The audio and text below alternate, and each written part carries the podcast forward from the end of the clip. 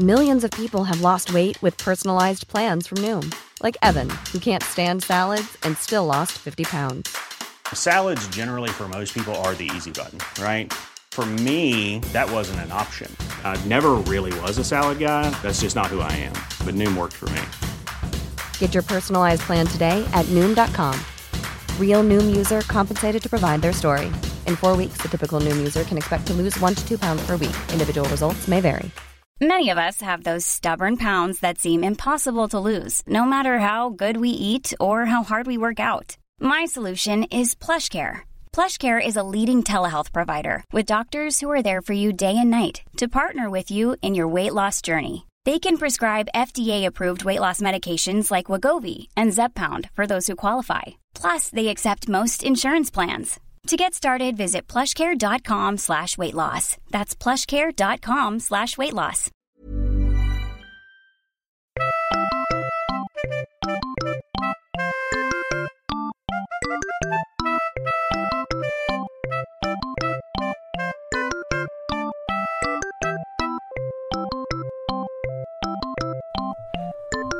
Hej och hjärtligt välkomna till Arkivsamtal avsnitt 11.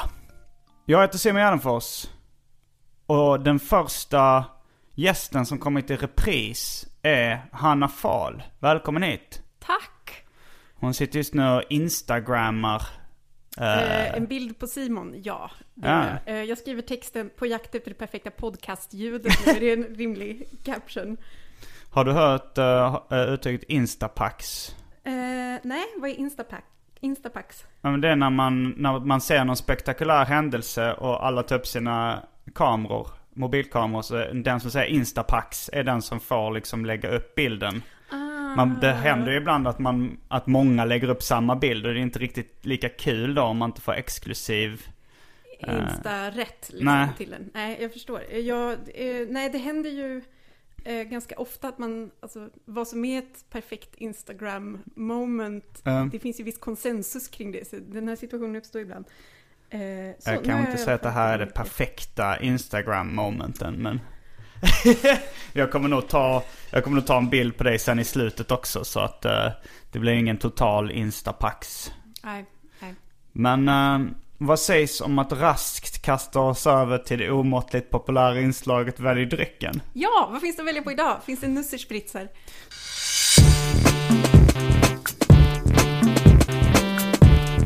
Jag tror vi börjar med det fasta inslaget Välj drycken!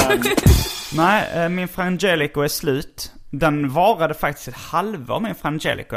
Den är väldigt god tycker jag men, men samtidigt så dricker man mindre av den. Det är som strutskött. Eller det, det var någon eh, ganska slapp Seinfeld-referens. Det bara... Den flög över mitt Ah, huvud. Eh, du kan inte ha sett så mycket Seinfeld. Nu. Jo, jag har sett jättemycket Seinfeld, men just den här förstår jag inte. Ja, jag vet inte, de sa bara, nå- George sa i något avsnitt att strutskött, man, eh, det har, innehåller mindre fett men man äter mer av det. uh, jag, jag ska, jag ska eh, vara mer på topic som det heter. Uh, Turley bubbelvin. Gordons gin. Coke Zero. Direkt från ett så kallat fridge pack. Eh, dagens, som jag lärt mig att det heter nu för tiden. Inte wine spritzer om det är Sprite i. Nej, precis. Spritzer är ju med mineralvatten, Ja. eller soda då. Eh, Baileys. Pulverkaffe utan mjölk. Ägglikören Vov. Uh, Festis Lakrits som gick ut 03.09.03. 03. Det är ingen som har nappat på den än. den nionde, kan det vara den 9 mars eh, 2003 den gick ut.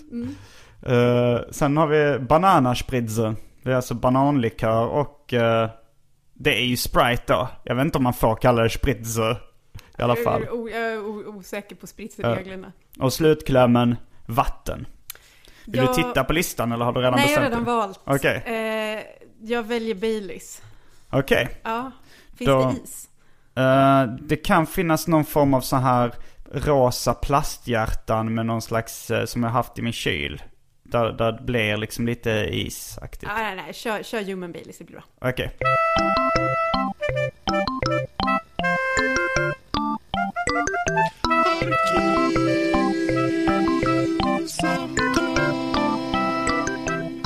Då är vi tillbaks.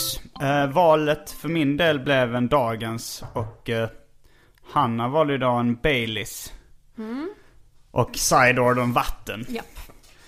Eh, några, vill du kommentera ditt val av dryck? Um, Nej, jag, efter två gånger här nu så känner jag att det kanske har börjat visa sig även för allmänheten att jag är väldigt svag för typ extremt sliskiga så här, choklad slash nöt eh, Mm. spritdrycker då, till exempel Baileys. Noggerdrycken. Skulle, om man blandar Baileys och, eh, och nötlikör borde det bli någon slags nogger.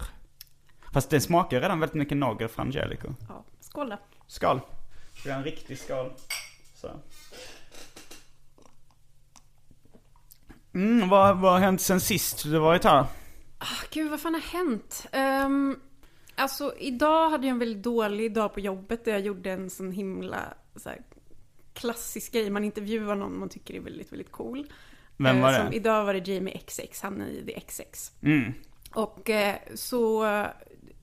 Alltså, och de var så himla, himla svåra och stela och introverta och sånt. Mm. Eh, Men sen frågade jag dem om de kunde säga så här, bara, säg en låt som ni skulle spela ikväll om ni var DJs. Eh, Och då sa de varsin låt och Jamie XX sa någonting och så nickade jag du vet så här och bara mm, låtsades att jag visste att, exakt vad det var för något. Och sen har jag liksom ägnat två timmar på eftermiddagen åt att lyssna på det här lilla så här, fyra sekunders klippet om och om igen för att höra vad det är han säger. Och eh, det har, jag, har, jag, fatt, jag fattar att jag har googlat allt tänkbart som det skulle kunna vara. Det, jag hittar det liksom inte. Antingen har jag hittat på ett band eller så är det något som är så extremt hett att, jag, att det inte ens finns på internet. Men det har i alla fall lett till att jag kom på eh, väldigt roliga pot- potentiella bandnamn som jag nu har googlat. Bland annat eh, bandnamnet Urine Doom som jag tyckte det lät lite som. alltså eh, do, ur- urindomedagen. Ehm, eller eh, You on Dune, alltså planeten Dune. Tyckte jag också hade varit ett eh, mäktigt Mm. Har du googlat bandnamn. dem och se om det finns Ja, något? ja, det finns inte. Och sen även um, Jew, alltså eh, eh, jude. eh, eh, Domedagen för judarna. Han kan väl lyssna på någon slags vit maktmusik Alltså, som, inte. som inte finns. men jag kan, om det är någon som lyssnar, den här podcasten kommer i och för sig inte sändas förrän om några veckor, men skitsamma, jag vill ändå Tre veta vad det var, typ. tre veckor. Men om det är någon som kan lista ut vad det kan vara för band, det enda andra ledtråden är då att Jamie XX gillar dem och att de har en låt som heter Movin, vilket också är den mest Ja, svårgooglade eh, låttiteln ever. Om det är någon som kan lista ut vad det är så Men du ska inte baka in det i din artikel då? Det här jakten på låten? Ja, men kanske. Blotta min egen känsla av otillräcklighet. När man Jo. sitter där i intervjusituationen och bara nickar och säger mm, mm. Jo men det blir ju roligt eh, bakom kulisserna inslag. Ja, visst, kan man ju kanske. så, nog- säga. Mm. Hur mycket av ditt privatliv eh, blandar du in i, i dina artiklar? Eh, alltså i, när jag intervjuar någon typ så ingenting. Så, men jag skriver ju krönikor varje vecka också. Mm. Och de blir ju lite mer privata kanske, jag vet inte. Uh, jag outade mitt småstadskomplex nu i helgen. Det var Mm. kanske det mest privata jag skrivit på länge. Jag, funderade på det. Har du... Eh, vi, vi- förra gången så snackade vi om att vi skulle göra det stora ostsnacks-reportaget den här veckan. Mm. Men eh, ingen av oss verkar ha förberett eh, ostsnacks. Och då eh, tänkte jag så här, eh, har du någon gång gjort en någorlunda djuplodande intervju? Eller är det dags för det nu? Att du ska intervjua mig? Ja. Aha, nej det har jag nog inte. Varsågod, det får du gärna göra. Det, det vill du gärna göra. Eh, ja, om du känner för det så ställer jag gärna upp på det. Ja, då, eh, jag kan ju klippa bort grejer ifall du tycker så här, oj nu blev det för känsligt eller för privat och sådär. Får jag vetorätt liksom? Ja, du får- Vi du kan får säga det att jag, får, att jag får tre saker som jag får välja att klippa bort kanske. Annars blir det någon form av spänningsmoment måste det finnas här i alla fall. Ja. Mm. Eh, ja, så då, då kan jag börja med så här hyfsat privata frågor direkt. När, Mm. när jag försökte boka dig till den här eh, podcasten innan så skrev du att du skulle på dejt. Ja, Eh, hur gick den? Och, ehm, nu minns jag inte riktigt vilken av dejterna det var. Grejen är att så här, eh, Mm. jag har ju varit ihop med folk väldigt stor del av mitt liv. Det är väldigt länge sedan jag var Mm. en singel person. Och detta har lett till att liksom folk föreslår olika personer jag borde gå på dejt med. Mm, till och med blind dates, min liksom. frisör föreslog en person i förra veckan. så matchade eh, för pris, eh, frisören där. Eh, ja, precis. Eh, min frisör, det är, en väl, det är en helt annan historia, men hon är väldigt rolig. Hon klipper alla sina kunder i exakt samma frisyr som hon, men det gör inte så mycket, för hon är väldigt snygg. Så att, men hmm, alltså jag har haft några dates de senaste veckorna. Varav... ehm, Här väljer Hanna att lägga in ett veto. Då eh, kanske vi ska, som de gör på P3 Dokumentär och, och många andra. Man börjar med en cliffhanger, sen backar man bandet och börjar från början. Berätta om, eh, så här, i vissa biografier så börjar det med mormor och morfar och sådär. Du, du kan ta jättesnabbt så här, mormor och morfar, föräldrarna och sen liksom när du kommer till världen. eh, Okej. Det ska eh, bli en djuplodande intervju Ja, där tänkte jag. Eh, min mormor har jag aldrig träffat, hon dog när jag föddes. Eh, morfar eh, kom från Lidköping, där jag är född. Mm. Och min mamma är uppvuxen. Ehm, och min farmor och farfar kom från, ehm, ja, typ, de bodde i Sörmland och Småland och Östergötland. De flyttade runt lite. eh, när min pappa var liten. Min mamma och pappa träffades när de pluggade i Stockholm. Mm. Och eh, sen flyttade de till Lidköping. Och min pappa jobbar på sjukhuset där fortfarande lite, fast han är pensionär. Och mamma var tandläkare hela livet, fast hon hatade att vara det. Så nu är hon pensionär och typ spelar bridge. Mm. Var ligger Lidköping egentligen? Uh, I Västergötland, typ precis södra spetsen av Vänern. Mm. Så. Jättegullig stad vid vattnet, så här små litet torg och sånt. Jag träffade en kille eh, när jag var i Göteborg nu och hade arkivsamtal live. Så sa, som var någonstans som jag missuppfattade var Lidköping. Så jag sa Uh, det är där Hanna Fahl kommer ifrån va? Så sa han, nej hon kommer från Lidköping. Jag kommer från, och så var det bla bla bla. Jag kommer inte ihåg vad det var för stad. Och så sa jag, ja. Uh, så sa han, ja du brukar ju vara gäst hos henne i Petra Populär, sa han till mig. Så sa jag, ja. Fast nu har hon varit gäst hos mig i Arkivsamtal. Så sa han, nej nej alltså du var gäst hos henne. Så trodde jag först han hade missuppfattat. Nej alltså nu var det, det var ju min podcast, hon var gäst här. Nej, lyssna. Du var gäst hos henne. Nej, jag har ju alltid varit så här P3, P3-fan och bla bla bla. Så då förstår jag att han menar att för dig var, eh, för honom var du så stor så att... Ah, eh, Okej, annars kan han ha menat att, för att jag kan tendera att börja intervjua folk även i Ah. mitt privatliv ibland. Till exempel på obekväma dejtsituationer. Berätta mer, hur kändes det? Eh, Okej, ja. men tillbaks till, eh, tillbaks till din historia när du just Mm. har fötts i Lidköping. Vad, Va, ja, vad, vilken dialekt har man där? man pratar som Bert Karlsson. Ja, det är nära Skara alltså. Ja, det är skitnära. Eller liksom, Skara, Lidköping och Skövde ligger som en liten trio av eh, konkurrerande Mm. hålor. Så när var första gången du besökte Skara Sommarland? Ja, jag har jobbat på Skara Sommarland. Ja. Ehm, men Ännu en cliffhanger som vi, Ja, precis. som vi kommer... Eh, nej, första gången, jag vet inte, kanske på högstadiet, någon gång, någon himla klassresa. Jag vet inte. Vi åkte inte dit så mycket, min familj direkt. Det var nog kanske lite för vulgärt eller någonting. Mm. Vad, är- vad är det för sorts, för, alltså så här, eh, om vi ska snacka klass, vilken, vilken eh, steg på skalan? Stabil medelklass, skulle jag säga. Okej. Eh, Om- ja. En, då, eh, en stabil medelklass som anser att Skara Sommarland är för vulgärt. Ja, kanske lite. Jag tror, mina föräldrar var aldrig särskilt roade av den där typen av grejer. Skrik och stoj och stim och typ så här sockervadd och skit liksom. Ja, Sockervadd inte- måste ju vara det mest överskattade man kan äta genom historien. Alltså, jag var ju besatt av det som Jag trodde ju att det skulle vara så jävla gott för att jag aldrig mm, äta det ser sånt. gott ut ja. Ja, det ser så fruktansvärt gott ut, men det är ju väldigt, väldigt äckligt. Och jag har även ett väldigt infekterat förhållande till sockervadd efter att ha jobbat på Skara Sommarland. Mm. På grund av små, små barn täckta i denna klibbiga massa. Ja. Barbapappa som det heter på franska.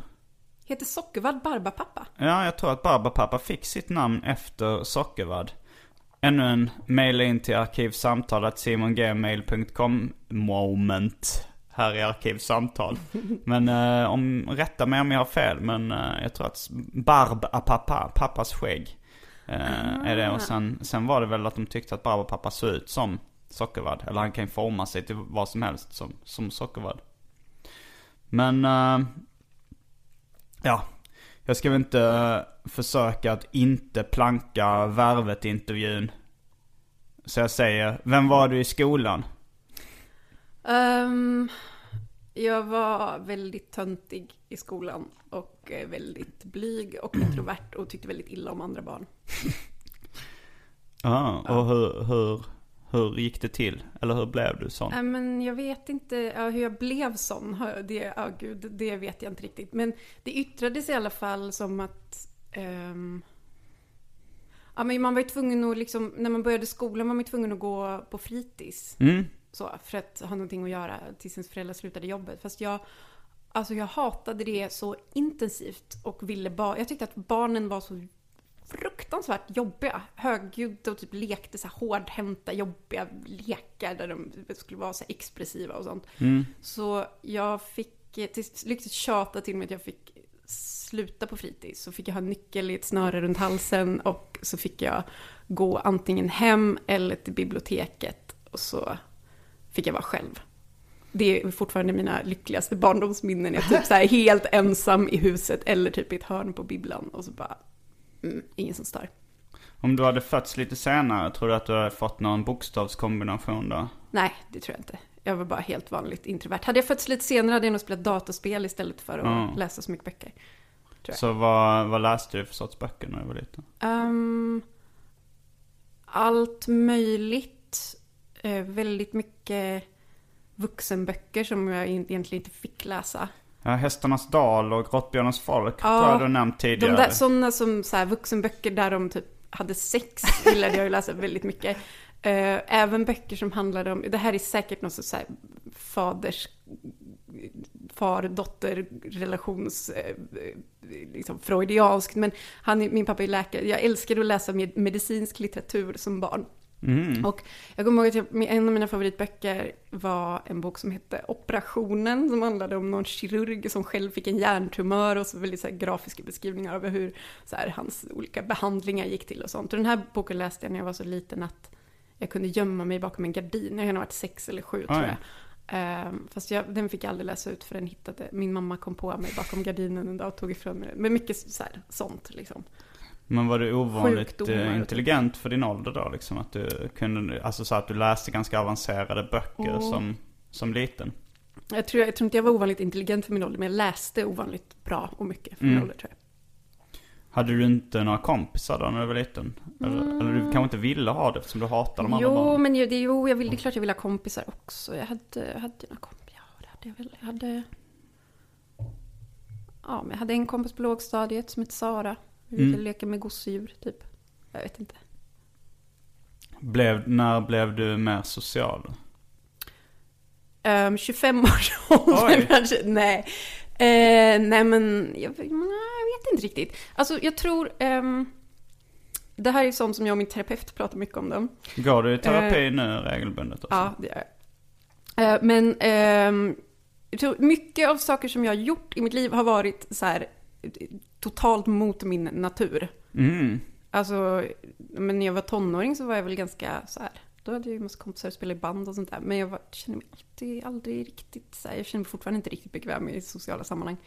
Eh, Ah. Men, Inte ens när det bara är du och dina närmaste vänner? jo, men om det är okända. Eh, Fast det är inget ihop med att jag aldrig känner igen folk heller. Det är en annan grej. Jag har någon sorts konstig ansiktsblindhetsgrej som gör att det är väldigt awkward och så här, bjudningar och sånt där man kanske, kanske inte har träffat folk för. Men det kan ju vara så också att, för sen jag började så här spela i band och uppträda, då blev det så att man träffar tusentals fler människor än vad man gjorde innan. Och då började jag också få svårt att komma ihåg alla ansikten jag har sett. Eftersom du har jobbat på radio och sådär och varje dag nästan träffade nya gäster så kanske det har lite med det att göra. Fast det kanske började tidigare än så. Alltså, det har säkert med det att göra, fast ja, det började tidigare än så. Och en del grejer som har hänt, som liksom, en del incidenter är ju helt jävla sjuka. Som en gång spelade jag sk- skivor ihop med en kompis till mig och hans kompis. Och så här, kom dit, hälsade, tog i hand, småpratade lite, gick på toa, kom tillbaka och tog i hand igen med den här snubben. Och det blev så jävla dålig stämning. Och då, alltså, alltså helt bisarrt. Och då hade ändå den här killen så här grälla afrikanska byxor på sig, som var det de borde ha känt igen, men eh, det gjorde jag inte. Eh, så det där skäms jag jättemycket för. När jag började på DN så blev jag runtvisad i typ två timmar av någon, en, någon som jobbade på kulturredaktionen som typ visade var allt var och pentryt och fiket och här ska du sitta och här är din dator och så här. Och sen typ senare samma eftermiddag så var jag tvungen att, så här, mitt passerkort funkade inte så jag var tvungen att fråga någon och bara insåg att det var henne jag skulle fråga och hade ingen aning om vem det är. Jag vet fortfarande inte vem på DN Kultur det var som visade runt mig den där första dagen. För att jag bara, äh, bara Då får de ut säga ansiktet. det ifall någon hör det så får de säga det var jag som Ja. visade runt. Ja, men precis. Eh, nej, så, att, så att, nej, det är inte bara att jag har, att träffar mycket folk, men att jag träffar mycket folk gör ju att det här blir, den, min ansiktsblindhet blir väldigt uppenbar i väldigt många situationer, för att det är väldigt Mm. många som kommer fram och hälsar som jag inte har någon aning om vilka de är. Så vad, vad har du pluggat och vad var ditt första jobb? Mitt första riktiga jobb eller sommarjobb eller sådär. Du kan, du kan dra hela balletten. Ja, mitt första sommarjobb var i Skara Sommarland. Där Mm. jobbade jag två eller tre somrar på gymnasiet. Och eh, då, jag jobbade som i sån här chokladhjul och sånt. Lotterisektionen kallades det. Vi var längst ner på hackordningen av tivoliarbetare. Eh, och det var ganska, äh, det var ganska hemskt. Det fick, fick mig inte mer peppad på att liksom arbeta med människor direkt. För att folk var så jävla otrevliga.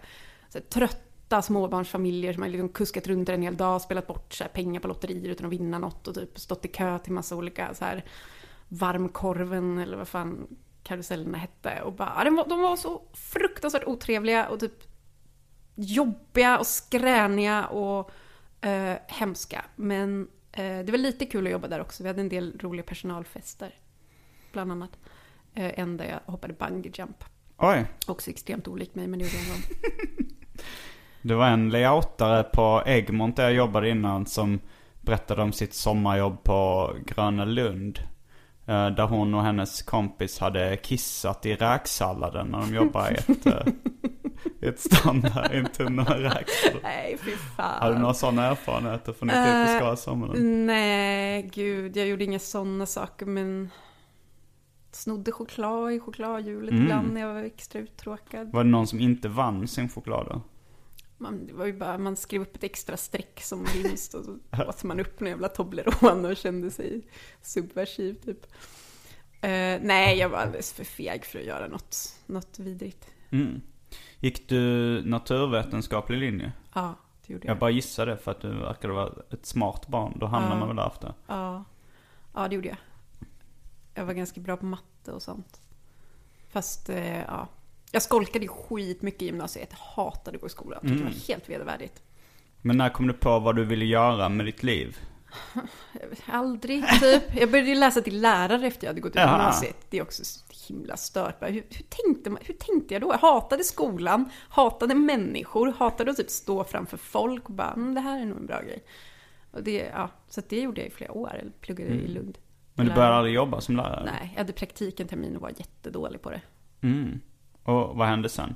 Sen hoppade jag av och fick för mig att jag skulle bli journalist. Vilket också var jättekonstigt för att jag hade telefonfobi och massa grejer. Men ja, då gjorde jag det. Jag flyttade till Stockholm och började plugga till det. På Journalisthögskolan? Mm. Och sen vad hände, började du jobba på P3 direkt efter det? Mm, jag gick inte klart ens för att jag hade, fick praktik på P3 på ett program, så ungdomsprogram som heter Ketchup. Och så, har ett svagt minne av det. ja, och precis då blev det ett jobb ledigt också som jag sökte. Och så bara helt plötsligt fick jag det jobbet och så bara, varsågod, här är ett radioprogram som du kan ta hand om. Vad var det för vecka." program det först? P3 Pop. Okej, men Mm. var det helt nystartat då? Nej, det hade funnits ganska många år. Ika Johannesson hade det innan, Mm. innan jag hade det. Men hon slutade och eh, det var också så himla konstigt. Jag fick liksom gå bredvid henne i två veckor och se vad, hur hon gjorde. Du kände inte henne Och sen, sen- innan? Nej, ja, jag var typ lite... Jag, min dåvarande kille var lite bekant med henne. Så att jag hade träffat henne på några fester och sådär. Var det Stefan Zachrisson? Ja precis. Men hur, hur blev du ihop med honom? Um, ja, då får vi backa lite till. Det var ju typ att jag hängde på massa internetforum och sånt och började läsa tidningen Benno. Som Mm. var en, hans tidning som var... Eh, det fanns ju en papperstidning och så var det ett forum också som hette Benno Topics. Mm. Eh, och Benno var ju den ledande så här, extremt dogmatiska indie-tidskriften i Sverige. Så du, var, du Så- var väldigt indie när du var ung eller? Ja, det var jag. Det kanske du är fortfarande, vad vet jag? Nej, men jag var det då. Och så...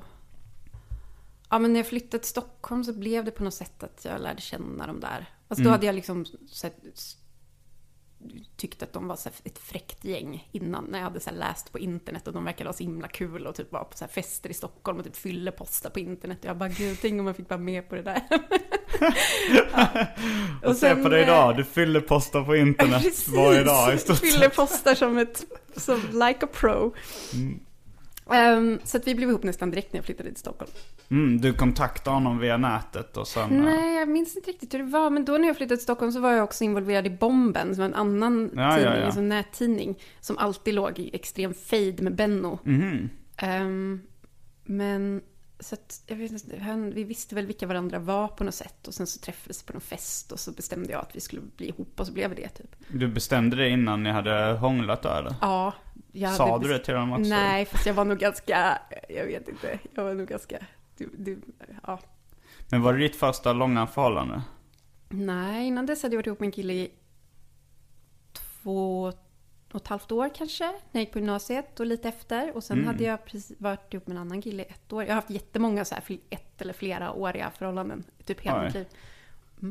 Det, ja men du måste, du måste ändå börjat rätt tidigt ifall, för jag gissar på att det var 21 eller någonting, eller 22. När då jag när flyttade till Stockholm var jag 20, Okej, precis. och då hade du hunnit Och med då- massa ettåriga förhållanden? två stycken. Okej. Ja, ett, eller ja, ett tvåårigt och ett ettårigt. Vad var det? Indie Kids då eller vad? Nej, min första riktiga kille hette David och han var hårdrocksgitarrist. Och så här, hans unique selling point var att han kunde spela hårdrocksgitarr skitsnabbt med, med du vet, så här, gitarren på ryggen. Ah. Så här. Och så hade han jättelånga såna här gitarrnaglar på ena handen som var som så här, mänskliga plektrum. Var det Eh. någon, någon av de två grejerna som du tände på? Ehm, jag vet inte. Nej, det var inte. Han var väldigt, väldigt rolig och väldigt smart. Eh, fantastisk person. Jag sprang faktiskt på honom för typ ett år sedan på Peace and Love-festivalen. Och då Mm. var han där och spelade med något sånt metalband. Wow. Ja. Så att det gick ju bra för den grabben va. Mm. Ehm, ja, det var min första kille. Sen var jag ihop med en annan kille som jag träffade på indiebandet Hefners mailinglista. Oj. Det är mycket internetromanser tidigt. Ja, det kan man säga. Om man Ja, räknar som internetromanser. Jo, men det gör Nej, man jag kanske. vet inte. Alltså om du träffar Benno och Stefan på en fest så kanske det inte är en internetromans bara Nej. för du visste vem han var innan. Nej.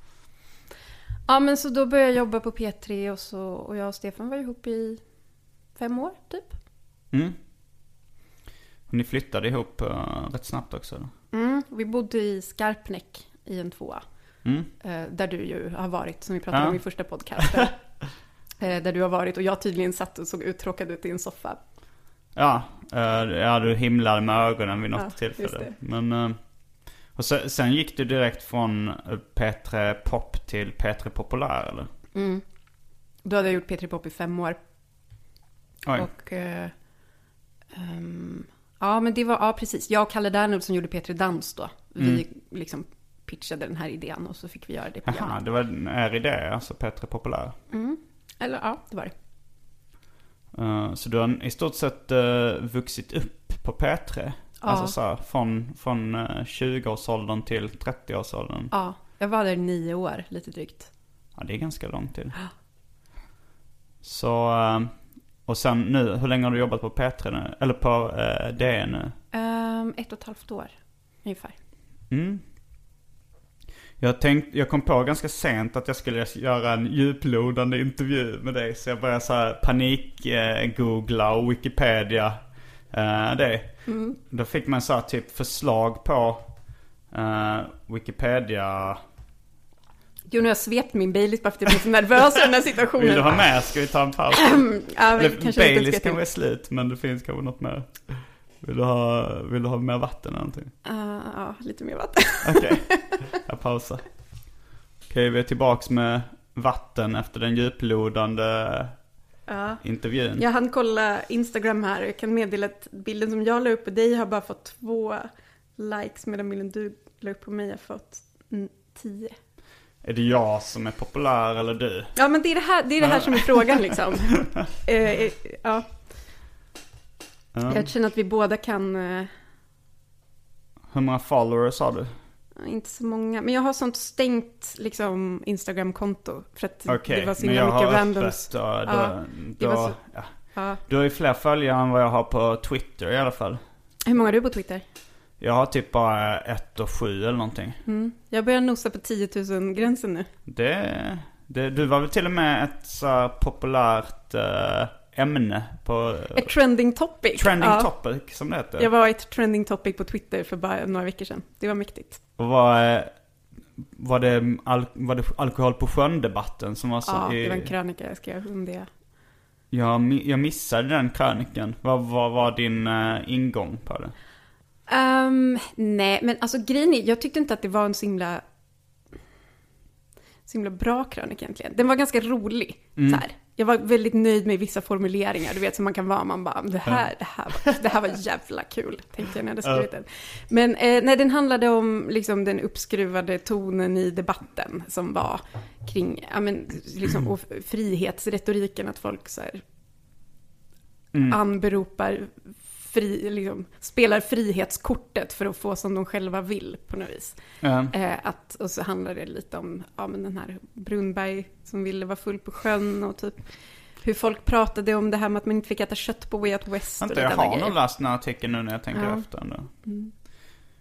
Eh, vill du veta vilka ämnen som dyker upp? Vilka sökningar relaterade till Hanna Fahl som dök upp? Jag tog en uh, skärmdump. Får jag gissa? Vi Ja, kan visst. leka spelet där, för jag googlar nämligen aldrig mig själv längre efter en, vissa Flashback-incidenter för några år sedan. Så att jag vet faktiskt inte, men jag kan gissa. Ja, okej. Och så får jag poäng om de är på, hur många får du upp där? Ja, det kom upp eh, åtta stycken. Ja, jag får poäng om de är på, med på topp 8 då. Ja, Ja. Då gissar jag Hanna Fahl, Paolo Roberto. rätt. Ja. Bing! Eh, sen gissar jag Hanna Fahl blogg, kanske? Ja, det är första träffen. Ja. Eh, ja, men sen, ja, men Hanna Fahl DN, antar jag. Finns inte med. Nej, okej. Ska jag läsa upp resten? Ja, kör. Eh, eh, Okej, vi läser dem från, från ax till limpa så att säga. Ja. Hanna Fahl blogg. Hanna Fahl vet. Hanna Fahl Paolo Roberto. Hanna Fahl zombie. Hanna Fahl pojkvän. Hanna Fahl kär i en hipster. Ja. Hanna Fahl hipster. Hanna Fahl blogg med Melodifestivalen. Det konstigaste tyckte jag nog ändå var Alltså, Hanna Fahl vet. Ja, verkligen. Vad fan betyder det? Det är, Eh. vad heter det, oraklet i Delphi-varning. Eller hur? Gud, den var nästan lite poetisk. Den var min favorit av dem, tror jag. Mm. Är det några, är, är några av de här ämnena du spontant känner för att kommentera? Nej, jag vet inte. Det, Inte egentligen. Paolo Roberto-incidenten, det var alltså du gjorde en intervju med Paolo Roberto där Mm. han eh, gjorde en del sexistiska utfall eller vad man ska säga. Ja, och vi började bråka på ett väldigt så här, barnsligt sätt i radio. eh, ja, det var inte mitt stoltaste ögonblick, fast jag skäms inte särskilt mycket över det heller. Jag tycker han var helt, han var helt körd i den här intervjun. Jag blev verkligen, jag blev verkligen tagen på sängen, för jag trodde att han ändå var Ja men kanske inte du vet att man skulle bli polare och ta en bärs ihop, men att han var en ganska vettig person. Men han visade sig vara... ehm, Jo, jag måste ju säga jag höll med dig om dina åsikter liksom i, i ja. det inslaget. Däremot så blev jag så upprörd att jag liksom inte kunde argumentera riktigt för dem. Det var så att jag... Det behövs väl inte riktigt, alltså så här, det är ju lite så här, kan man övertala folk liksom? Det var, det var kanske handlade mer om, om grundläggande värderingar eller Ja, någonting. fast även dock att typ min producent ropade i hörlurarna bara "Nej, lägg på en låt nu, så här, skit i det här, slut, lägg på en låt nu och jag bara nej, nej, nej, jag ska fortsätta prata och det där kan jag väl känna så här, mm, kanske borde bara lagt på en Ja, låt. fast det, det blev ju ett klassiskt inslag ändå. Liksom. Ja, jo, ja, jag vet inte vad jag ska säga om det. Ja. Men eh, det, det var väl... Och Hanna Fahl Zombie, ja, du, du är väl fan av zombies och skrivit mycket om Ja, zombiefilmer? fast alltså, jag har inte skrivit så himla mycket om zombies tror jag. Inte något jättefan av Full zombies. fart med nutida zombies. Minns du inte det? Jo, din krönika jag skrivit. Eller jag ihåg, jag var med i P3 Populär någon gång och du, Ja. du kom in och var lite generad och du hade skrivit en artikel om att i moderna filmer med zombies Att så de är sprang de snabba. istället. Ja, och så hade Och de satt rubriken. Full fart med moderna zombies. Full fart med nutid- nutida zombies. Ja, gud, det där är ju alltid en... eh, ja, mm, ja, när redigerades ett rubrik som man inte Ja. riktigt några för. ja, nej men det är nog det enda jag skrivit om som, just zombies tror jag, så det där kanske är lite konstigt. Men, ja, ja. Nu eh, kommer vi till ett ämne där du kan uh, få använda ditt veto och klippa bort. Men jag kommer ihåg en gång eh, i, när jag var med i Petter Populär och jag skröt om hur många förkylningsmediciner jag hade med mig. Eller så här, förkylningsgrejer.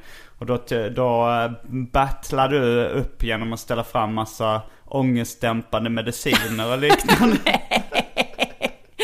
Jo, du- jag kallar du mig lögnare? Ja, det gör jag. Möjligen någon, någon enstaka liten ångestdämpande medicin kan jag väl ha haft i fickan. Men eh, några stora mängder tror jag nog inte det var. Eh, men nej. Eh, nej, nu får det verka som att jag hade ett helt apotek med mig. Det Ja men du, du har, ju- du har ju, säkert- du får försvara dig. Du har ju ändå möjligheten. Ja, jag tycker inte jag behöver försvara mig. Eh, jo, ångestdämpande mediciner har väl, eh, har väl räddat min tillvaro en och annan gång. Mm. Eh, men jag kan tänka mig att jag även hade ganska mycket olika sorters värktabletter med mig, för det har jag alltid väskan full av. Jag kanske inte visste vad, vad det var för sorts mediciner. Alltså, så, jag hade med mig typ fem olika sorters piller. Mm. Som ing, eh, helt lagliga piller då, inga receptbelagda. Men sen var det, det kanske var massa olika verk... Ja, men det var det nog. Det kan säkert ha varit något ångestdämpande. Men framförallt så har jag ju liksom, särskilt när jag sände radio så hade jag sån extrem, liksom, jag var så jävla rädd för att få migrän i direktsändning. Det hände ju en annan gång. Jag hade jättemycket problem med huvudvärk när jag var tonåring och när jag var ung. Eh, och hade migrän och så. Och till och med röntgade huvudet en gång. Det var Oj. jävligt spännande.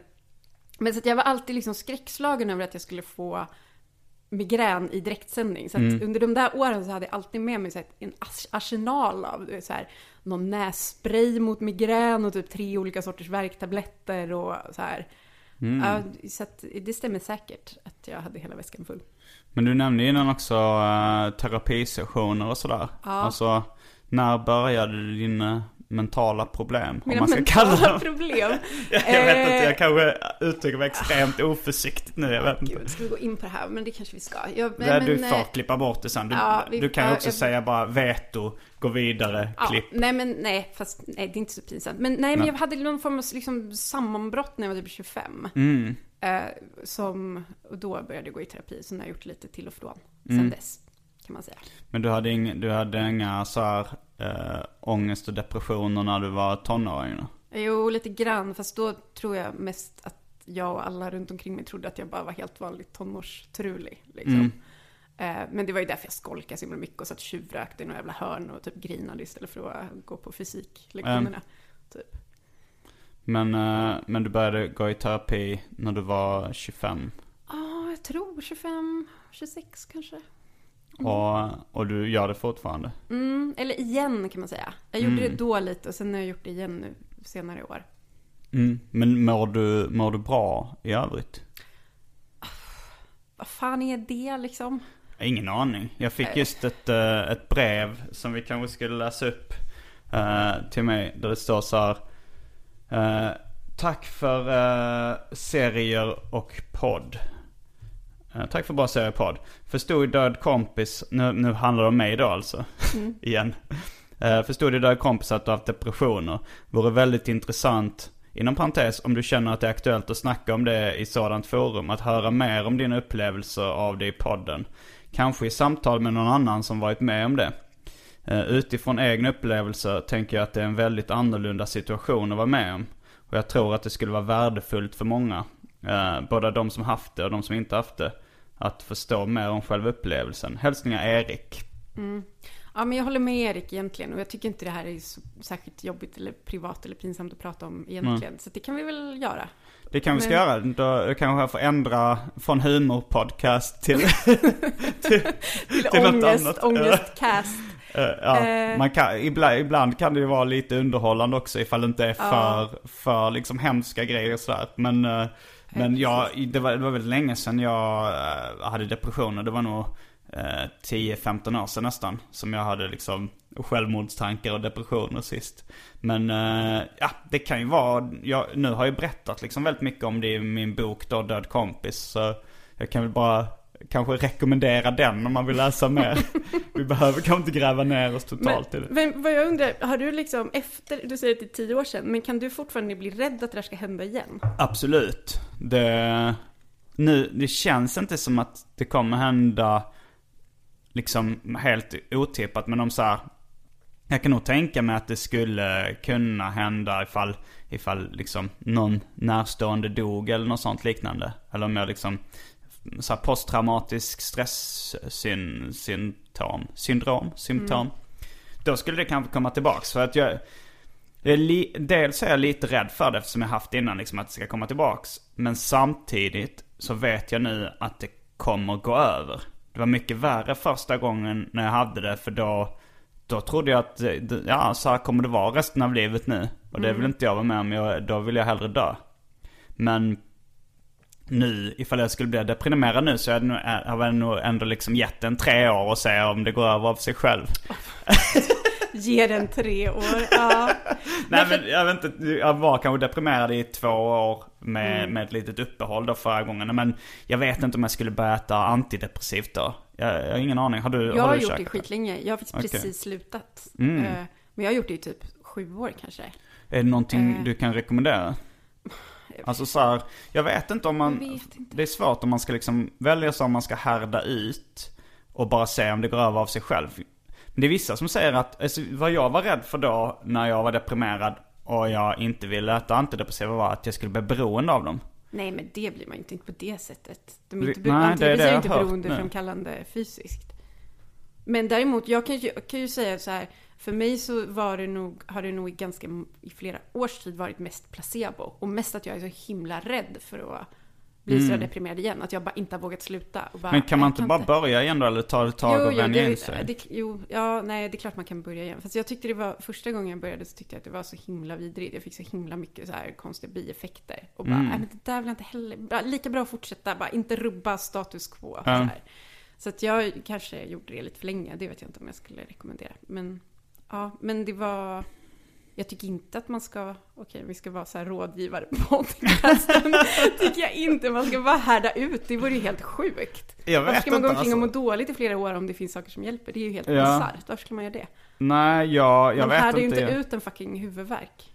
Nej, man, eh, man tar ju huvudvärkstabletter om man inte är antroposof. Ja. Men, men jag vet inte, det var så här, jag, jag frågade då, jag gick till en psykolog som var väldigt konstig för, för att jag sa bara att jag var eh, deprimerad. Så frågade han, är det värre när det är höst och vinter sådär? Så sa jag ja.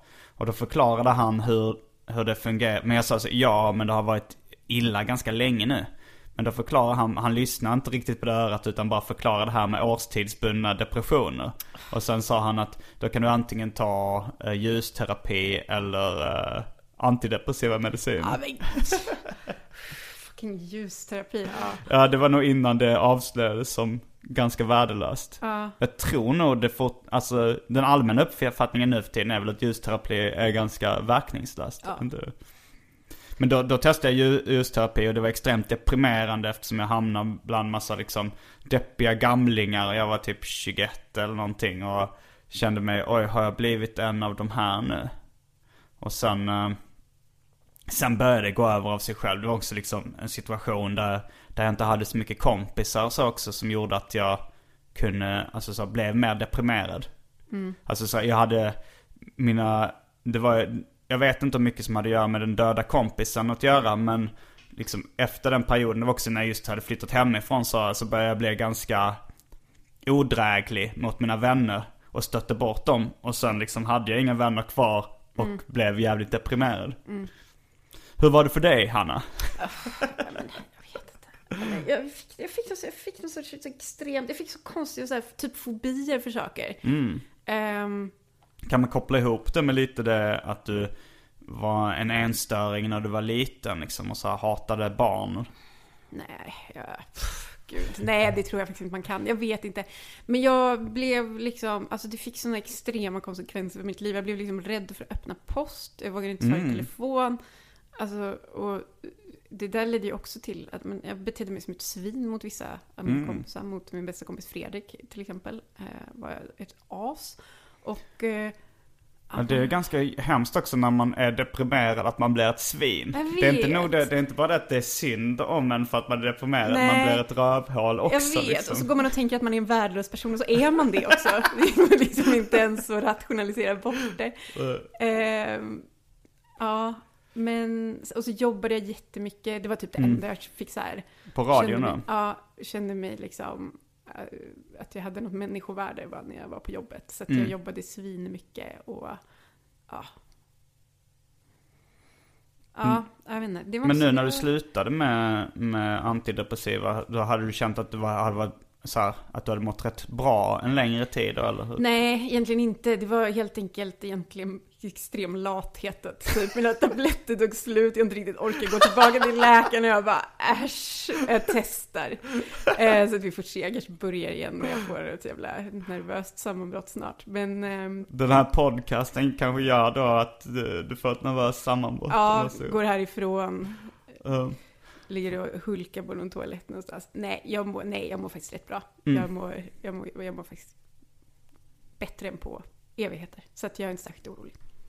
Det låter som den här I feel much better now, I really do. Är det när lammen tystnar? När, när Jack Nicholson säger det på ett väldigt otrovärdigt Ja. sätt. Nej, jag säger inte att det var otrovärdigt. Jag bara, bara hade det som så här felljud på familjens första dator. Någon slags Macintosh. Så var det liksom, var, istället för blipp, så sa han I feel much better now, I really do. Nej, fy fan vad obehagligt. Jag vet inte var det kom ifrån faktiskt. Ja. Ja, undrar om eh, mejlaren Erik fick svar på sina frågor. Vad tror du? Jo, ja, eh, det var säkert eh, en ren njutning från mejlare Erik att få höra En lite ren om... njutning av de här tio minuterna att prata om ångest. Ja, nej men jag, det, jag tycker det är ganska kul att höra om när andra mår dåligt. Alltså även när jag själv mår bra så vill jag höra om andra som mår dåligt för att liksom kunna gotta mig lite att jag, det är lite som att titta på skräckfilm. Det sägs ju att folk njuter av det lite för att liksom, det är någon annan som råkar illa ut och man kanske kan känna sig trygg framför tvn då liksom att man själv inte råkar ut för de här hemska grejerna. Ja. Det, kanske, det är en förklaring till varför man vill se så mycket, varför folk vill se så mycket mord och, och våld och skräck på tv. Att man liksom, ah vad skönt att jag är trygg i alla fall. Eller att det händer någon Ja. annan. Eller ja, det finns. jag, jag gillar inte, jag har ju slutat gilla typ, jag gillar inte skräck och inte, sor, sorgliga saker gillar jag verkligen inte att titta på.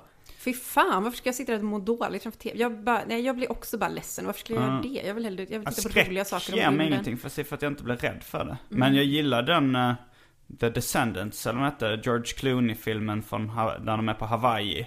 Mm, Har du jag sett den? Nej. Det kändes som en lite snyftare done right. Vad- Men är den, dör folk och sånt? Ja, det är en som dör eh, i slutet. Spoiler alert, för sent.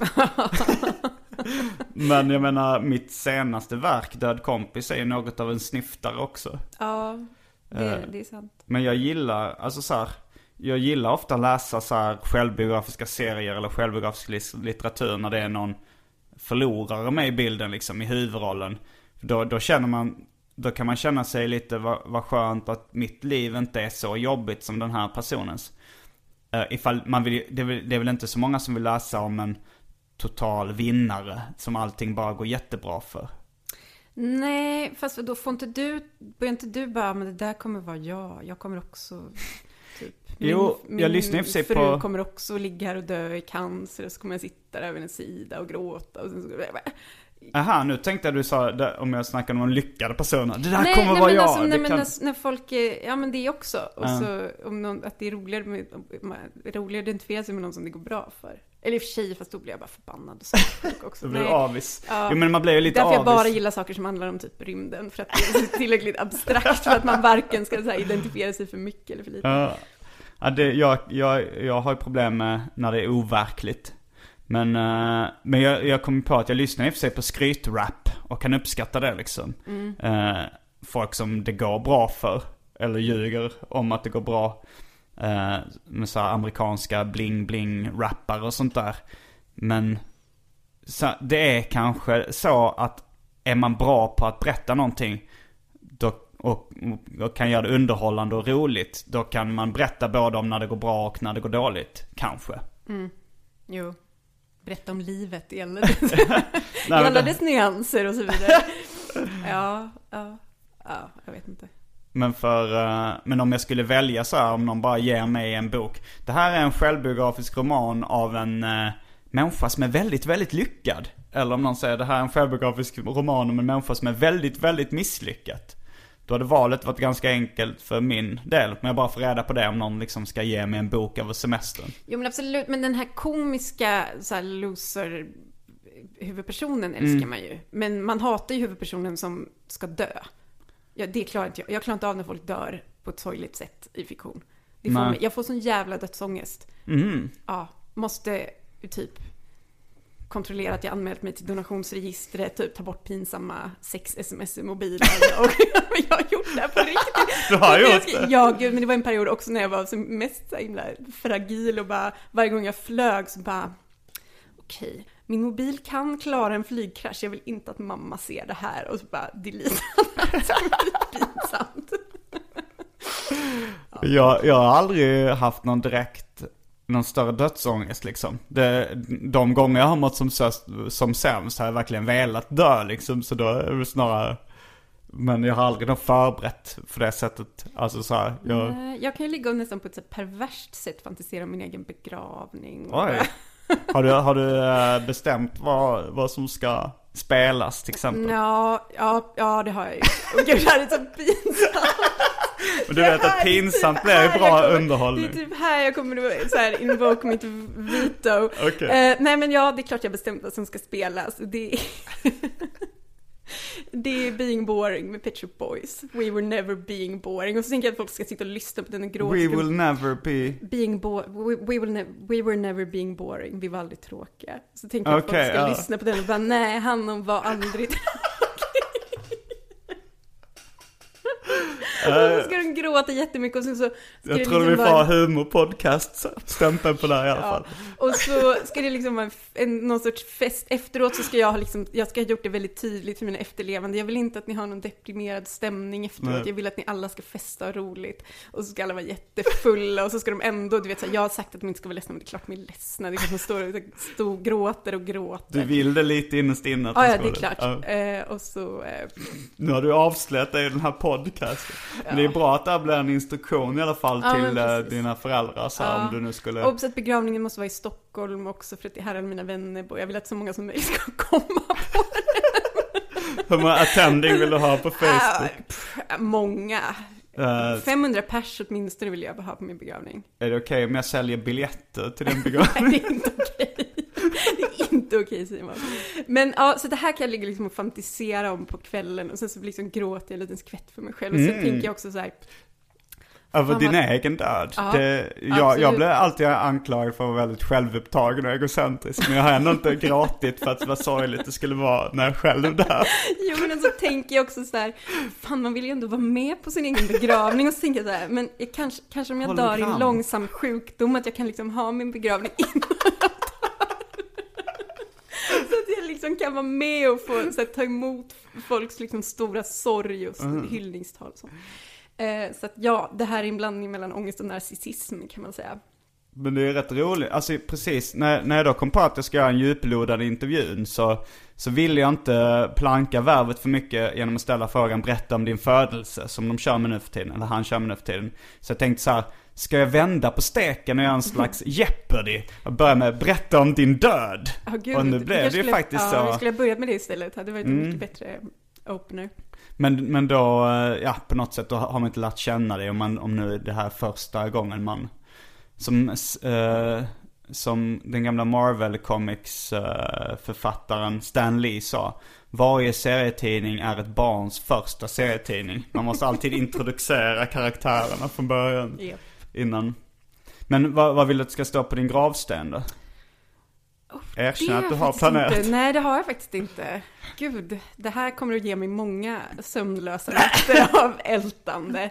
Nej, jag vet, nej, det vet Det finns en del inte. roliga uh, så här gravstenstexter. Jag diskuterade med Agro när jag var i Göteborg senast. Mm. Eh, att, jag tror det var Mel Blanc, han som gjorde rösten till alla tecknade filmerna. Som hade då That's all folks på sin gravsten. Ja, det är faktiskt briljant. Vad ska du vara? Du måste ju också ha tänkt på det. Jag har tänkt på det, men jag kommer ihåg... att jag, jag var nog för, eh, för ung när jag, när jag liksom försökte tänka ut det. Så det var, det var nog så här rätt patetiska, eh, patetiska försök jag kom på. Jag tänkte, den roligaste gravstenen jag, som jag har i minnet är Spike Milligan. Du känner till? Nej. Brittisk komiker. Han hade I told you I was sick. Åh, hypokondrikerns gravsten. Hypokondrikerns ultimate revenge på li- världen och livet. Jo, vad tänkte det? Eller att han bara sa, jag sa ju att jag var galen. Okej, om jag dör imorgon så, så tar vi, jag sa ju att jag var galen. bara för att jag inte kommer på något bättre. Men uh, Spike Milligan, han blev också framröstad som den roligaste historien någonsin. Fan det här, där, nu fick jag en uh, P3 Populär Flashback. Har vi pratat om det här? Ja. Ja, alltså de, de hade röstat fram i Storbritannien den roligaste historien någonsin. Och det var faktiskt en historia av. Spike Milligan. Som går ut på att det är två jägare i skogen. En eh, får en eh, förlupen kula i, eh, i huvudet. Och segnar ihop. Då kommer den andra jägaren fram och "Åh", eh, ringer i panik till eh, larmcentralen. Och då så säger de eh, ja, jag, tror, jag tror min kompis är död. Okej, okej, lugna ner dig. Du måste först försäkra dig om att han verkligen är död. Och då så blev det tyst i luren, sen hörde de ett skott.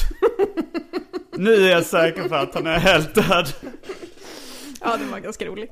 Men är det den roligaste historien genom tiderna? Ja, jag kommer inte på något roligare så här på rak arm. så. Nej, det är, det är, man blir ju rätt pressad om man ska hitta på, om man ska säga vilken är den roligaste historien genom tiderna. Ja, det är en väldigt bra fråga som jag under en period ställde till alla komiker som var gäster hos P3 Populär. Mm. Var väldigt aggressivt säga säg något kul, säg något kul.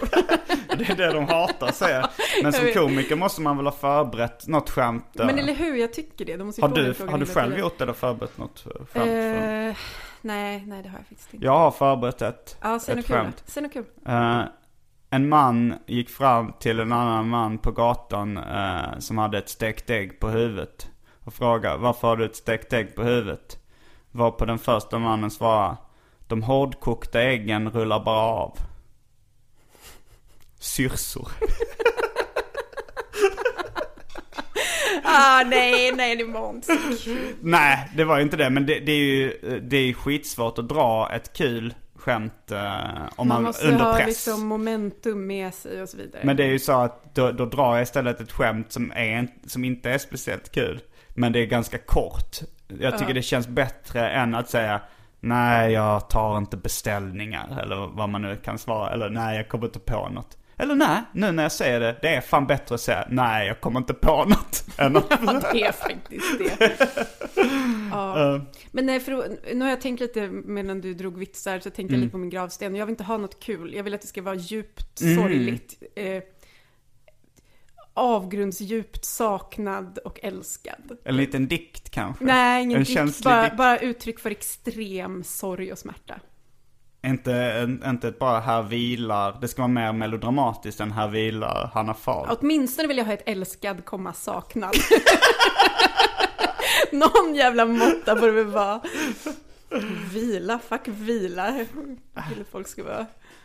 Min kompis Kalle Törn, han hade på sin eh, dörr till sin pojkrum, han har gjort en egen skylt eh, som var då en gravsten där det stod här vilar sig Kalle. Men jag tror att hans, hans mamma tyckte var för sorglig så han fick ta ner den. Ja, ja. Hade du ett geni, stör inte geniet arbetar skylt? Eh, nej men jag hade nog kunnat ha, säkert. Jag var den graden av töntig när jag var ungdom. I detta rum gäller följande regler. Så var det en sån här pojke eller en tjej. Det var lite Ja, könsriktade en sån hade jag nog fanns på mellanstadiet. Ja. Mata inte pytonormen fanns det på killvarianten. Mm. Och det var så här, ja man fick gå in på egen risk och sånt där. Alltså en grej som jag hade på väggen i mitt flickrum när jag var liten. Det här är så jävla konstigt. Du vet så här gränsen när man börjar så här bli, ja men när man är kanske 12 Mm. så här. Och så börjar folk i ens omgivning bli intresserade av killar och så har man själv inte kommit till puberteten Mm. än. Och nu säger jag man, men jag menar jag. och eh, då hade jag någon sjuk anledning köpt, tror jag själv för någon jävla veckopeng, en plansch som var så här en så här, man med jeans som liksom gylfen var öppen på så att man såg liksom pubishåret. Oj, Och- oj, det var Och liksom inga, inga kalsonger och så stod det med texten på a good, nej, a hard man is good to get. good to find. Jo, jag har A sett den. just det, a hard man is Good good, to to, find. find. Och så... Förstod du att hård syftade på penis då? När det var Alltså, lite... jag vet inte riktigt. Jag minns bara att jag hade den här planschen och inte riktigt förstod den. Jag tyckte inte killar var heta på det sättet, men jag hade förstått att man skulle tycka det så jag satte upp Jo, den här. jo. Och så fattade jag inte att mina föräldrar lät mig ha den här konstiga jävla pubishårsplanschen när jag var 12 år gammal. Eh, ja. ja, vad hade du på din vägg? Nej, jag hade, dels hade jag varit på besök på eh, serieförlag. Så jag hade ett som var Marvel Comics Superheroes. Som av någon anledning hade teamat upp med baseballlaget Mets. Så det var liksom Mets baseballlag. Jag hade ju aldrig sett en baseballmatch i hela mitt eh, liv och var inte intresserad av eh, sport. Men där stod de och sen var det utklädda Hulken, utklädd Spindelmannen. Så liksom det var en sån här Marvel Superheroes och Mets-plansch. Sen hade jag en, en sån sam, sammetsplansch. Vet du vilka de är? Eh, ja, de som är lite så här, nästan ger någon sorts 3D-effekt. Ja, sa, alltså det svarta trycket är sammet. ja, men just lite. det. Ja, just det. Så ja. hade jag en, det var, det var 80-tal då när jag växte upp. Så det var, det var neo, grälla neonfärger i rosa och, och lila och, och orange. Och så var det sam, svart sammet. Och så var det en gam som satt på en skylt där det stod No smoking. Den hade jag. Jag hade även en uh, Ice-T poster. eh, där han typ stod i bojor så det ser ut som han var i fängelset från eh, uh, OG-skivan Original Gangster.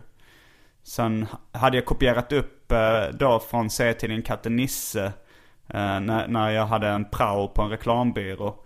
Uh, så hade jag kopierat upp den snyggaste utsidan. Och nu så insåg jag när, jag när jag inventerade min samling senast så märkte jag att jag, att jag saknade ett nummer. Och när jag gjorde podcasten med min brorsa så insåg jag att det kanske, att det var nog det numret jag saknade. Att jag måste ha glömt det i kopiatorn på min pra- praoplats. Insikten 20 år senare. Om, eh, alltså, ifall du vill klippa bort något så säg det nu för då måste vi spela in lite material så det blir en timme. Alltså ja, jag skulle nog faktiskt vilja... Dels så tycker jag att det, det inte var så roligt i början. Jag tyckte Okej. inte att vi sa så roliga saker i början. Och sen så kanske ändå klippa bort det här när jag berättade om mina blind dates. Det var ju rätt roligt. Ja, Men eh, du du kan kan- du, jag kan skicka typ en, eftersom det är tre veckor tills vi ska sända så kan jag skicka en Ja. mp3 eh, med oklippta så kan du lyssna igenom och se hur, Ja. hur kraftig skamsköljning du får. ja, men det är mer att jag tänker att den där stackars blind daten kanske hör det här. Men det var inte så tass. Ja, han engelsmannen. Men Ja. han, han förtjänar väl ändå lite... Nej men nej, vi säger så här, nej, klipp bort det. Och Du, får, du kan göra ett beep-ljud förhandla och så till kan, dig. Mm. Ja, men och så kan det här som vi säger nu, det kan få vara kvar så folk vet att de har missat en väldigt, väldigt rolig historia om en engelsman som var på blind date med. Och så lämnar vi det där. Är det en okej kompromiss? Okej. Och annars kan, eh, kan resten vara kvar. Ja, det kan. Men då måste vi kanske prata i två minuter till om Ja, någonting. men ställ en kan, sista fråga då. Om du har en enda viktig sista fråga som du vill ställa så lovar jag att svara på den. hur upplever du din situation just nu? Vad fan är det för fråga? Jag har fått det, det var något fanzine eh, där, eh, där de ska intervjua någon serietecknare tror jag. Och så är det Mats Jonsson var med och gjorde fanzinet och då sa han så här. Vad ska vi ställa för frågor nu? Mats Jonsson, du har ju gått journalisthögskolan. Och då ställer han frågan, hur upplever du din situation just nu? Menar du just nu i denna sekund? Det, ja, det, det är väl en ganska öppen fråga. Eh, jag upplever min situation som... Fan, jag Det kan vara lika svårt fråga. som säger något kul. Tre av fem, fyra av fem kanske? Mm. Ja. Eh, ja, jag ska se om det finns någon annan, någon annan standardfråga som man, som man skulle kunna, som man skulle kunna ställa. Jag kan, jag kan läsa upp ett brev till, bara för att, eh, för att vi ska få tiden att gå. Så, för, så kanske du kan komma in på någon Kanske jag kan reagera på detta brev. Mm. Brev. Brev nummer två. Lite senare än beräknat, men visst vi kör. Med tanke på kissölet du drack i senaste avsnittet så vill jag mest dela med mig av en skämthistoria som en hårdrockspolare berättade för mig en gång i tiden. Nåväl. En tjej kommer fram till en hårdrockare och frågar om han gillar Kiss. Hårdrockaren svarar, menar du bandet eller drycken? Det var allt för mig. Stay Black, Victor Medina Pettersson. Jag tyckte faktiskt att det var en ganska kul Ja, historia. Jag tycker att du kan kul. byta ut den här med ägget mot den här. I din standardrepertoar. Ja, det, det är ju frågan om man ska, om någon säger säg något kul, ska man då liksom dansa som cirkusapa? Eller ska man sparka bakut? Ja, du menar att du känner dig som en liten komedihora om du... Ja, om man, om man på så här, säg något kul. Man kanske ska kräva, kräva pengar då eller någonting. Både snål och tråkig. Girig, rövhål. Ja, det kanske är bra. Mm, men, men Kiss, alltså det, det enda tråkiga tycker jag nu är att det finns ju en dryck då som heter Kiss. Det var ju Ja, roligare innan den Precis. fanns. Mm. När, när de, nu, är den, nu är den faktiskt jättetråkig. men eh, det var ju ändå liksom lite på ämnet det här roliga historier och allting. Precis. Har du, får du mycket mejl eller? Jag får faktiskt rätt mycket. Så mycket mail så att jag inte har hunnit läsa upp alla. Eh, det är roligt. Jag vet fortfarande inte hur många som lyssnar på podcasten. Och jag vet inte om jag vill veta heller. Det kanske är bättre i din fantasi. Jag De tror siffrorna- nog det. Det blixtrar ute och Oscar och jag står och skrattar i fönstret och fantiserar om hur många lyssnare jag har på Arkivsamtal. Japp. Men ska, du, du får försöka hitta en sponsor också. Är inte det nästa grej? Då kanske du måste veta hur många lyssnare du har i och för sig. Men Ja, jo det en hade ju varit roligt. dryckessponsor. Jag menar, Eh, drycker. ostsnackssponsor. En ostsnackssponsor vore Ja, ju speciellt till ostsna-. Ja. ostsnacksavsnittet. Så skulle man vilja ha att det presenteras av cheeseballs. Eller hur? någonting. Kan inte du kolla upp det då? Det kanske jag ska göra. Ja. Det, och så, då ska jag, ja men det gör jag. Spela in samtalet Ja, när du ringer tänkte till, det. eh, till, eh, Till cheeseballs. cheeseballs. Så alla, alla försöken, såna här knäppa klipp i slutet. Precis. Man kan, kan få gratis snacks om inte annat. Ja. Fast då kommer det bli som i, i Seinfeld-avsnittet där Kramer, när de föreslår, du, ja, när han ska få ett Ska skadestånd. du dra en till Seinfeld-referens nu som gör att jag kommer sitta här och le stelt när den flyger över mitt huvud? Ja, Ja. okej, kör. Ehm, Kramer han spillde varmt kaffe på sig. Och så skulle han stämma kaffeföretaget. Som jag antar var, skulle vara föreställa Starbucks. Men det inte var det. Och så har han en, en slick advokat som är med. Och så på mötet så säger de så här. Ja, vi kan erbjuda dig eh, gratis kaffe för resten av livet. Och då säger han, I'll take it! Och sen eh, är då skämtet att de hade ju tänkt erbjuda honom ett miljonbelopp i skadestånd. men han gick med på gratis kaffe. Och jag så jag tänkte det skulle bli som med ostsnacksen. Att jag lyckas få en, gra- en påse gratis cheeseballs när de egentligen hade tänkt sponsra hela En påse gra- gratis cheeseballs varje vecka resten av livet och sen sitter du där 400 kilo på din dödsbädd och bara, jag undrar vad som kom efter, eller? Jag kanske ska säga så att jag vill ha min egen vikt i cheeseballs. Ja, Jag tror det är bra. Eh, Så, så kan man kan, de kanske kan förhandla ner det lite då liksom. ja precis. jag undrar- 80% av din vikt i cheeseballs. Det hade ju varit kul. Okej, men då ses vi om, eh, vi kan, vi kan försöka spela in det avsnittet innan jag åker till Japan 2 oktober. Ja, men det tycker jag. Eh, Så, då det har det blivit dags att ta farväl och säga tack för mig. Jag heter Simon Gärdenfors. Jag heter Hanna Fahl. Fullbordat samtal.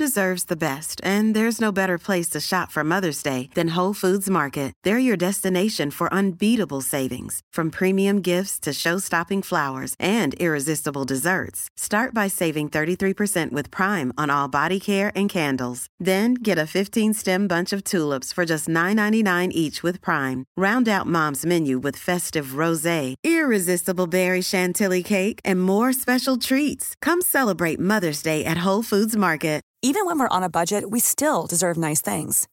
Quince is a place to scoop up stunning high-end goods for 50 to 80% less than similar brands. They have buttery soft cashmere sweaters starting at $50, luxurious Italian leather bags, and so much more. Plus, Quince only works with factories that use safe, ethical, and responsible manufacturing. Get the high-end goods you'll love without the high price tag with Quince. Go to quince.com/style for free shipping and 365-day returns.